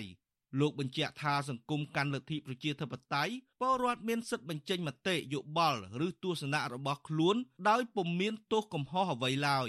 លោកសង្សានករណាសង្ឃឹមថាតុលាការនឹងសម្រេចក្តីដោយយុត្តិធម៌នៅលើសំណុំរឿងនេះ។ គួរតែលមមមានការបញ្ចប់នៅវិវាទនយោបាយហើយគឺងាកមករកដំណោះស្រាយមួយដែលជាគិតគូរផលប្រយោជន៍ជាតិផលប្រយោជន៍រួមរបស់ប្រទេសជាតិអានឹងវាជារឿងដែលល្អគួរតែធ្វើជាជាងយើងចេះតែបណ្តែតបណ្ដោយឲ្យបញ្ហាហ្នឹងចេះតែកើតមានឡើងដោយគ្មានដំណោះស្រាយហើយប្រជាពលរដ្ឋចេះតែរងទុក្ខដោយសារតែគ្រប់គ្រងការដឹកនាំផ្នែកនយោបាយអីចឹងទៅធ្វើឲ្យប៉ះពាល់នឹងខាតនូវផលប្រយោជន៍របស់សង្គមជាតិយើងណាបាទ មេឃុំជាប់ឆ្នោតនៃគណៈបកសង្គ្រោះជាតិនៅឃុំត្រែងត្រយឹងលោកស្រីកឹមតុលាធ្លាប់បានរត់ភៀសខ្លួនទៅជ្រកកោននយោបាយនៅប្រទេសថៃមួយរយៈក្រោយពីតុលាការខេត្តកំពង់ស្ពឺចេញដីកាកោះហៅទៅបំភ្លឺរឿងបង្ហោះសារគាំទ្រលោកកឹមសុខា និងលោកសំរងស៊ីជាមនុស្សតែមួយនិងបង្ហោះសារគាំទ្រដំណើរមាតុភូមិនិវត្តរបស់លោកសំរងស៊ីកាលពីចុងឆ្នាំ2019 លោកស្រីបានវិលត្រឡប់ទៅប្រទេសកម្ពុជាវិញក្រោយពីមេដឹកនាំរបបក្រុងភ្នំពេញលោកហ៊ុនសែនបានអំពាវនាវឲ្យសកម្មជនប្រឆាំងដែលកំពុងរត់ភៀសខ្លួនទាំងអស់ត្រឡប់ចូលផ្ទះសម្បែងវិញប៉ុន្តែក្រោយពីការវិលត្រឡប់ទៅកម្ពុជាវិញ សមត្ថកិច្ចបានឡោមព័ទ្ធចាប់ខ្លួនអ្នកស្រីដាក់ក្នុងពន្ធនាគាររយៈពេល3ខែទើបដោះលែងកាលពីថ្ងៃទី11វិច្ឆិកាឆ្នាំ2021 បច្ចុប្បន្នមានសកម្មជននយោបាយអ្នកសារព័ត៌មានមេសហជីពប្រមាណ60នាក់កំពុងជាប់ពន្ធនាគារហើយភ ieck ច្រើន ពួកគេត្រូវតុលាការចោទប្រកាន់ពីបទញុះញង់និងរួមគំនិតក្បត់អង្គការសង្គមស៊ីវិលជាតិនិងអន្តរជាតិព្រមទាំងប្រទេសសេរីមួយចំនួនបានចាត់ទុកការចាប់ឃុំខ្លួនទាំងនេះថាជាការធ្វើទុកបុកម្នេញផ្នែកនយោបាយច្រើនជាងការអនុវត្តច្បាប់និងស្នើឲ្យតុលាការដោះលែងពួកគេឲ្យមានសេរីភាពឡើងវិញដោយឥតលក្ខខណ្ឌ ខ្ញុំបាទនៅវណ្ណរិន With Chu Azizi Saray ពីរដ្ឋធានី Washington បាទលោកនាងជាទីមេត្រីតកតងនឹងបរដ្ឋខ្មែរកម្ពុជាក្រោមវិញសហព័ន្ធខ្មែរកម្ពុជាក្រោមបានយកឱកាសនៃសិទ្ធិសិទ្ធិសេរីភាពសាសនាពិភពលោកនៅរដ្ឋធានីវ៉ាស៊ីនតោនផ្សព្វផ្សាយពីការរំលោភសិទ្ធិសេរីភាពផ្នែកសាសនានៅលើទឹកដីកម្ពុជាក្រោមសហព័ន្ធក៏បានជម្រាបជូនមេដឹកនាំសាសនាមួយចំនួនអំពីប្រវត្តិខ្មែរកម្ពុជាក្រោម ដែលកំពុងតែរស់នៅក្រោមការគ្រប់គ្រងរបស់អាជ្ញាធរវៀតណាមបាទប្រធានាធិបតីវ៉ាស៊ីនតោនលោកយុនសាមៀនរាយការណ៍ព័ត៌មាននេះនាយកដ្ឋានអន្តរសាសនាសហព័ន្ធខ្មែរកម្ពុជាក្រោមទទួលលទ្ធផលជោគជ័យក្នុងសន្និសីទសេរីភាពសាសនាអន្តរជាតិដែលបញ្ចប់កាលពីសប្តាហ៍មុនប្រធាននាយកដ្ឋានអន្តរសាសនានៃសហព័ន្ធខ្មែរកម្ពុជាក្រោមព្រះវិខុធីធីធម្មូ ដែលបានដឹកនាំប្រតិភូមកចូលរួមសន្និសីទមានធរណីកាថាព្រះអង្គបានឆ្លៀតឱកាសនៃសន្និសីទជម្រាបជូនមេដឹកនាំសាសនា និងមន្ត្រីជាន់ខ្ពស់ផ្នែកសេរីភាពសាសនាសហរដ្ឋអាមេរិកអំពីសកម្មភាពរបស់រដ្ឋាភិបាលវៀតណាម ដែលបន្តធ្វើទុកបុកម្នេញការប្រតិបត្តិសាសនារបស់ព្រះសង្ឃនិងពលរដ្ឋខ្មែរកម្ពុជាក្រោមគណៈប្រយភូយើងបានចូលរួម គឺជាឱកាសដ៏វិសេសវិសាល มันសម្រាប់តែយើងចូលសិក្សាឬមួយយើងបញ្ចេញនៅកំហែងទស្សនៈនៅទីនោះទេ គឺថាចាត់ទុកទៅជារបៀបនៃការសិក្សាហើយនឹងតំណាក់តំណងជាមួយនឹងអន្តរជាតិនិយាយចំទៅយើងចូលទៅសន្និសិទលើកទីទៀតសោតហ្នឹងបានក្រេបជញ្ជក់នៅអត្ថន័យខ្លឹមសារពីការតស៊ូដោយអហិង្សាដែលតាក់ទងជាមួយនឹងសេរីភាពខាងជំនឿហ្នឹង សន្និសិទសេរីភាពអន្តរសាសនាចាប់ផ្ដើមកាលពីថ្ងៃទី31មករានិងបិទបញ្ចប់នៅថ្ងៃទី1កុម្ភៈនៅរដ្ឋធានី Washington សន្និសិទនេះរៀបចំឡើងដោយគណៈកម្មការសេរីភាពអន្តរសាសនារបស់សហរដ្ឋអាមេរិកដើម្បីបង្កើតឲ្យមានក្រុមអង្គការចម្រុះធ្វើការងាររួមគ្នា លើកដំកើងសេរីភាពសាសនាអន្តរជាតិនិងជំរុញឲ្យមានការដឹងឮនិងស្វែងយល់ពីសេរីភាពសាសនាអន្តរជាតិ។ គណៈកម្មការសេរីភាពអន្តរសាសនាសហរដ្ឋអាមេរិកជាស្ថាប័នឯករាជ្យមានតំណាងមកពីពីរគណៈបកនិងជាគណៈកម្មការសហព័ន្ធរដ្ឋាភិបាលអាមេរិកបង្កើតឡើងកាលពីឆ្នាំ1998ដើម្បីឃ្លាំមើលសិទ្ធិសាសនាជាសកល និងជំនឿប្រតិបត្តិសាសនានៅក្រៅប្រទេសស្ថាប័ននេះប្រើប្រាស់ស្តង់ដារកម្រិតអន្តរជាតិដើម្បីឃ្លាំមើលការរំលោភសិទ្ធិសាសនាសកលលោក។ និងផ្ដល់អនុសាសន៍បង្កើតគោលនយោបាយឲ្យប្រធានាធិបតីរដ្ឋមន្ត្រីក្រសួងការបរទេសនិងសភាអាមេរិកព្រះភិក្ខុធីធីធម្មូមានធរណីកាថាប្រតិភូមេដឹកនាំសាសនាសកលលោកបានចាប់អារម្មណ៍និងស្ថានភាពសេរីភាពសាសនានៅកម្ពុជាក្រោមជាខ្លាំងនៅពេលប្រតិភូខ្មែរក្រោមបានផ្ដល់ព័ត៌មាន និងផ្ដល់ជូនឯកសារព្រះអង្គបន្តទៀតថាប្រតិភូផ្ដោតការយកចិត្តទុកដាក់ និងចង់ឲ្យសហគមន៍អន្តរជាតិជួយអន្តរាគមន៍ករណីអាញាធរវៀតណាម កំពុងធ្វើទុកបុកម្នេញសាមណេរយើងខាយដែលសកម្មធ្វើការងារផ្នែកសិទ្ធិមនុស្សនិងជនជាតិដើម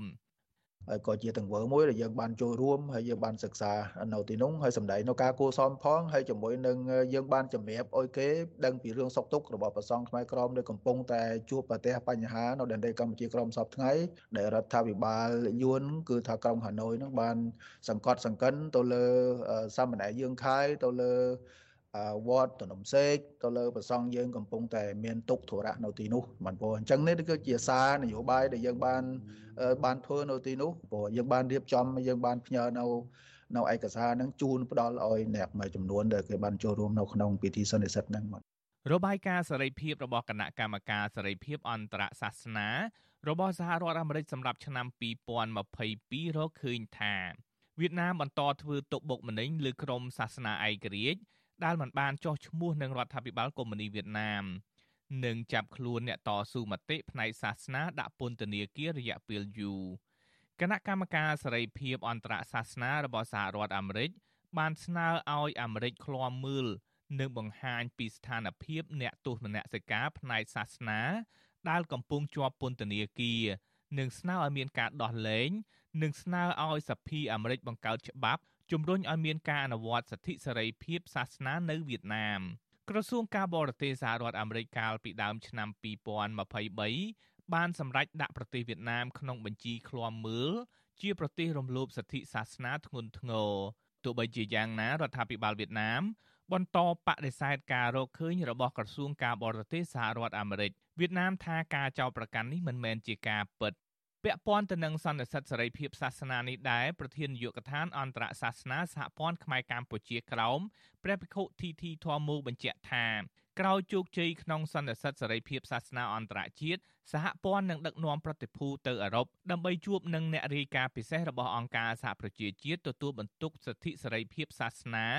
ដើម្បីជម្រាបលោកបន្ថែមជុំវិញស្ថានភាពសេរីភាពផ្នែកសាសនា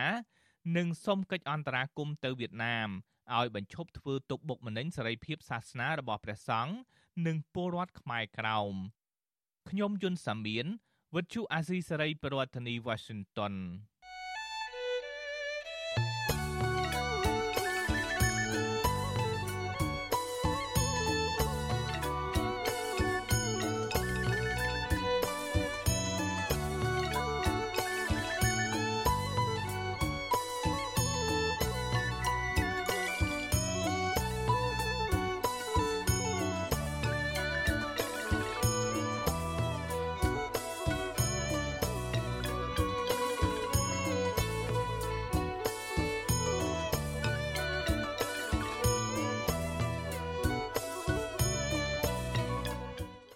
បាទលោកនាងទីមេត្រីតកតងនឹងគណៈបកកណ្ដាលអំណាចដាក់គោលនយោបាយជួយដល់កសិករតកតងនឹងវិស័យកសិកម្មវិញមន្ត្រីសង្គមស៊ីវិលលើកឡើងថាការដាក់ចេញយុទ្ធសាស្ត្រជួយដល់កសិករនិងអ្នកប្រកបរបរសេដ្ឋកិច្ចក្រៅប្រព័ន្ធរបស់គណៈបកកណ្ដាលអំណាចនឹងមិនផ្ដល់ប្រយោជន៍ដល់ប្រជាពលរដ្ឋនោះទេពីព្រោះគោលនយោបាយនេះមិនខុសពីអាណត្តិចាស់ឡើយការលើកឡើងបែបនេះធ្វើឡើងក្រោយពេលគណៈបកប្រជាជនកម្ពុជាបានប្រកាសដាក់ចេញនូវគោលនយោបាយថ្មីៗនេះ ដែលផ្ដោតជួយកសិករនិងអ្នកប្រកបរបរក្រៅប្រព័ន្ធដើម្បីស្វែងរកសម្លេងឆ្នោតសម្រាប់ការបោះឆ្នោតជ្រើសតាំងតំណាងរាស្ត្រអាណត្តិទី7ខាងមុខនេះបាទប្រធានាធិបតីវ៉ាស៊ីនតោនលោកមានរិទ្ធរាយការណ៍ព័ត៌មាននេះមេដឹកនាំសមាគមដែលកំពុងធ្វើការជាមួយកសិករនិងអ្នកសេដ្ឋកិច្ចក្រៅប្រព័ន្ធលើកឡើងថា ពួកគេហាក់មិនរំពឹងថាគោលនយោបាយអាណត្តិថ្មីរបស់គណៈបកប្រជាជនកម្ពុជានឹងអាចជួយដោះស្រាយបញ្ហាជាដុំកំភួនជូនប្រជាពលរដ្ឋនៅក្នុងវិស័យទាំងនោះឲ្យបានល្អប្រសើរនោះឡើយ ប្រធានសមាគមសម្ព័ន្ធសហគមន៍កសិករកម្ពុជា លោកថេងសវឿនក៏សម្គាល់ថាបកកណ្ដាលអំណាចដឹកនាំប្រទេសរយៈពេល6អាណត្តិមកនេះកសិករនៅតែជួបនៅបញ្ហាវត្ថុធាតុដើម ដើមទុននិងត្អូញត្អែពេលប្រមូលផលម្ដងម្ដងដោយសារតែការឆ្លើយតបរបស់រដ្ឋាភិបាល នៅមានកម្រិតនិងមិនទាន់ដោះស្រាយបញ្ហាឲ្យចំគោលដៅនៅឡើយលោកយល់ថាការប្រកាសដាក់ចេញនៅគោលនយោបាយជួយដល់កសិកររបស់គណៈបកកណ្ដាលអំណាច គ្រាន់តែជាយុទ្ធវិធីថ្មីទាក់ទាញសម្លេងឆ្នោតពីកសិករនៅមុនការបោះឆ្នោតតែប៉ុណ្ណោះលោកថេងសវឿនបញ្ជាក់ថាការតាក់តែងគោលនយោបាយយកមកបង្ហាញមិនមែនជាការលំបាកនោះទេសម្រាប់គណៈបកនយោបាយក៏ប៉ុន្តែលោកថាបញ្ហាសំខាន់ត្រូវពិនិត្យលើការអនុវត្តនិងដំណោះស្រាយជាក់ស្ដែង ថាតើមានប្រសិទ្ធភាពដោយតាមការអះអាងនៅមុនការបោះឆ្នោតដែរឬទេ អ្វីដែលយើងអាចវងវត្តបានគឺការអនុវត្តជាក់ស្ដែងនិងទស្សនវិជ្ជាជាក់ស្ដែងនៃការឆ្លើយតបនិងដំណោះស្រាយយើងចង់ឲ្យការគិតការពិចារណារបស់អ្នកនយោបាយក៏ដូចជាម្ចាស់ឆ្នោតគិតគូរទៅលើចំណុចទាំងអស់ហ្នឹងទៅហើយម្ចាស់ឆ្នោតជាអ្នកសម្រេចចិត្តពីព្រោះថាដុំព័ត៌មានទាំងអស់ពេលបច្ចុប្បន្ននេះគឺជាលទ្ធភាពមួយរុញឲ្យម្ចាស់ឆ្នោតធ្វើការសម្រេចចិត្តបានហើយការរៀបចំគោលនយោបាយវិស័យកសិកម្មថ្មីនៃអនុម័តដោយមហាសន្និបាតរបស់គណៈបព្វជិជនកម្ពុជាជាយុទ្ធវិធីនៃយុទ្ធសាស្ត្រក្នុងការពាក់ទាញដល់សម្លេងឆ្នោតនៅក្នុងដំណើរការនៃការបោះឆ្នោតខាងមុខចំណែកប្រធានសមាគមប្រជាធិបតេយ្យឯករាជ្យនៃសេដ្ឋកិច្ចក្រៅប្រព័ន្ធលោកវុនពៅថ្លែងថាបច្ចុប្បន្នអ្នកប្រកបរបរក្រៅប្រព័ន្ធភាគច្រើន មានជីវភាពខ្វះខាតដោយសារតែពួកគេពិបាករកប្រាក់ចំណូល ដែលអ្នកនយោបាយត្រូវយកចិត្តទុកដាក់ដោះស្រាយសម្រាប់អាណត្តិថ្មីនេះលោកសាទរចំពោះគោលនយោបាយរបស់គណៈបកប្រជាជនកម្ពុជា ដែលផ្ដល់បានក្រីក្រ ឬបានបេឡារបបសន្តិសុខសង្គមឡើងវិញ ក៏ប៉ុន្តែលោកយល់ថាបានទាំងនេះគ្រាន់តែជាដំណោះស្រាយមួយក្នុងចំណោមបញ្ហាជាច្រើនតែប៉ុណ្ណោះពីព្រោះអ្នកប្រកបរបរក្រៅប្រព័ន្ធត្រូវការរដ្ឋាភិបាលយកចិត្តទុកដាក់ស្ដារមុខរបរផ្ដល់មុខរបរថែទាំសុខភាពទូទៅនិងជួយជំរុញឲ្យពលរដ្ឋដោះខ្លួនចេញពីអន្ទាក់បំណុលធនាគារជាដើមយើងសូមឲ្យអ្វីដែលលើកក្នុងគោលនយោបាយទៅស្អីនៅក្នុងกระดาษ របស់បកហ្នឹងគឺត្រូវអនុវត្តជាក់ស្ដែងតែម្ដងយើងមិនចង់ឃើញការលើកនៅក្នុងមហាសន្និបាតឬក៏សរសេរក្នុងគោលនយោបាយរបស់បកគឺល្អឥតខ្ចោះប៉ុន្តែការអនុវត្តពិតវានៅមានកម្រិតអាហ្នឹងវាជារឿងមួយដែលបកនឹងការទទួលយកបានហើយបើសិនជាអនុវត្តដោយតែមានចែងនៅក្នុងគោលនយោបាយសរសេររបស់បកហ្នឹងជាពិសេសបកកណ្ដាលអំណាចនេះគឺយើងសាទរបើសិនជាអនុវត្តបាន ប្រតិកម្មនេះធ្វើឡើងបន្ទាប់ពីគណៈបកកណ្ដាលអំណាចដាក់ចេញគោលនយោបាយផ្ដោតលើកសិករនិងអ្នកប្រកបរបរសេដ្ឋកិច្ចក្រៅប្រព័ន្ធនិងក្នុងប្រព័ន្ធដើម្បីស្វែងរកការគ្រប់គ្រងសម្រាប់ការបោះឆ្នោតជ្រើសតាំងតំណាងរាស្ត្រអាណត្តិទី7អ្នកនាំពាក្យគណៈបកប្រជាជនកម្ពុជា លោកសុកអេសានថ្លែងក្នុងសន្និសីទសារព័ត៌មានក្រោយបិទបញ្ចប់មហាសន្និបាតបកកាលពីល្ងាចថ្ងៃទី29ខែមករា ថាកម្មវិធីនយោបាយនេះមិនខុសពីអាណត្តិចាស់នោះទេដោយគណៈបកគ្រាន់តែពង្រឹងនិងជំរុញបន្ថែមទៀតលោកបញ្ជាក់ថាគណៈបកប្រជាជនកម្ពុជានឹងជួយដល់កសិករតាមរយៈការបញ្ជូនអ្នកជំនាញដល់ភូមិឃុំ បង្រៀនបច្ចេកទេសផលិត ជួយទុននិងរកទីផ្សារលក់ផលិតផលជាដើម លោកបន្តថាកម្មវិធីមួយទៀតគណៈបកក៏ជួយដល់អ្នកប្រកបមុខរបរក្រៅប្រព័ន្ធដែរជុំវិញការផ្ដល់បានបេឡារបបសន្តិសុខសង្គមឬបានក្រីក្រជាដើមដើម្បីជួយសម្រួលដល់បញ្ហាលំបាកផ្នែកជីវភាព។ ឥឡូវនេះគឺថាយើងជួយគាំពៀទាំងអស់រហូតទៅដល់រាជរដ្ឋាភិបាលដែលមហាដែលមហាសន្និបាតបានធ្វើលើកឡើងនេះគឺថាលើកទិសដៅដើម្បីដាក់ប្រភពទុនរាប់រយលានដុល្លារដើម្បីទទួលទិញនៅកសិផលមួយចំនួនដើម្បីគាំពៀកុំឲ្យតម្លៃកសិផលនេះត្រូវបានឈ្មួញកណ្ដាលនេះវាបន្ទាបថ្លៃដែលធ្វើឲ្យកសិករយើងរងផលប៉ះពាល់នៅ បញ្ហាលក់កសិផលនេះដែលដែលកន្លងទៅយើងធ្លាប់ជួបប្រទេសហើយហើយយកយើងយកបញ្ហាប្រឈមរបស់កសិករនេះយកមកធ្វើដើម្បីរកវិធីវិធានការដោះស្រាយនេះឲ្យបានសមស្របទោះជាយ៉ាងណាក្រោមការដឹកនាំរបស់លោកនាយរដ្ឋមន្ត្រីហ៊ុនសែនទោះបីជាមានការផ្លាស់ប្តូរក្បាលម៉ាស៊ីនថ្នាក់ដឹកនាំក្រសួងកសិកម្មថ្មីយ៉ាងណាក្តីក៏ប្រជាពលរដ្ឋ នៅតែលើកឡើងពីទុកកង្វល់របស់ពួកគេជាបន្តបន្ទាប់ទាក់ទងនឹងបញ្ហាកង្វះទីផ្សារកសិផលតម្លៃជីថ្នាំនិងសម្ភារៈកសិកម្មលើទីផ្សារឡើងថ្លៃហើយពលរដ្ឋជួបទុក្ខលំបាកជីវភាពប្រចាំថ្ងៃ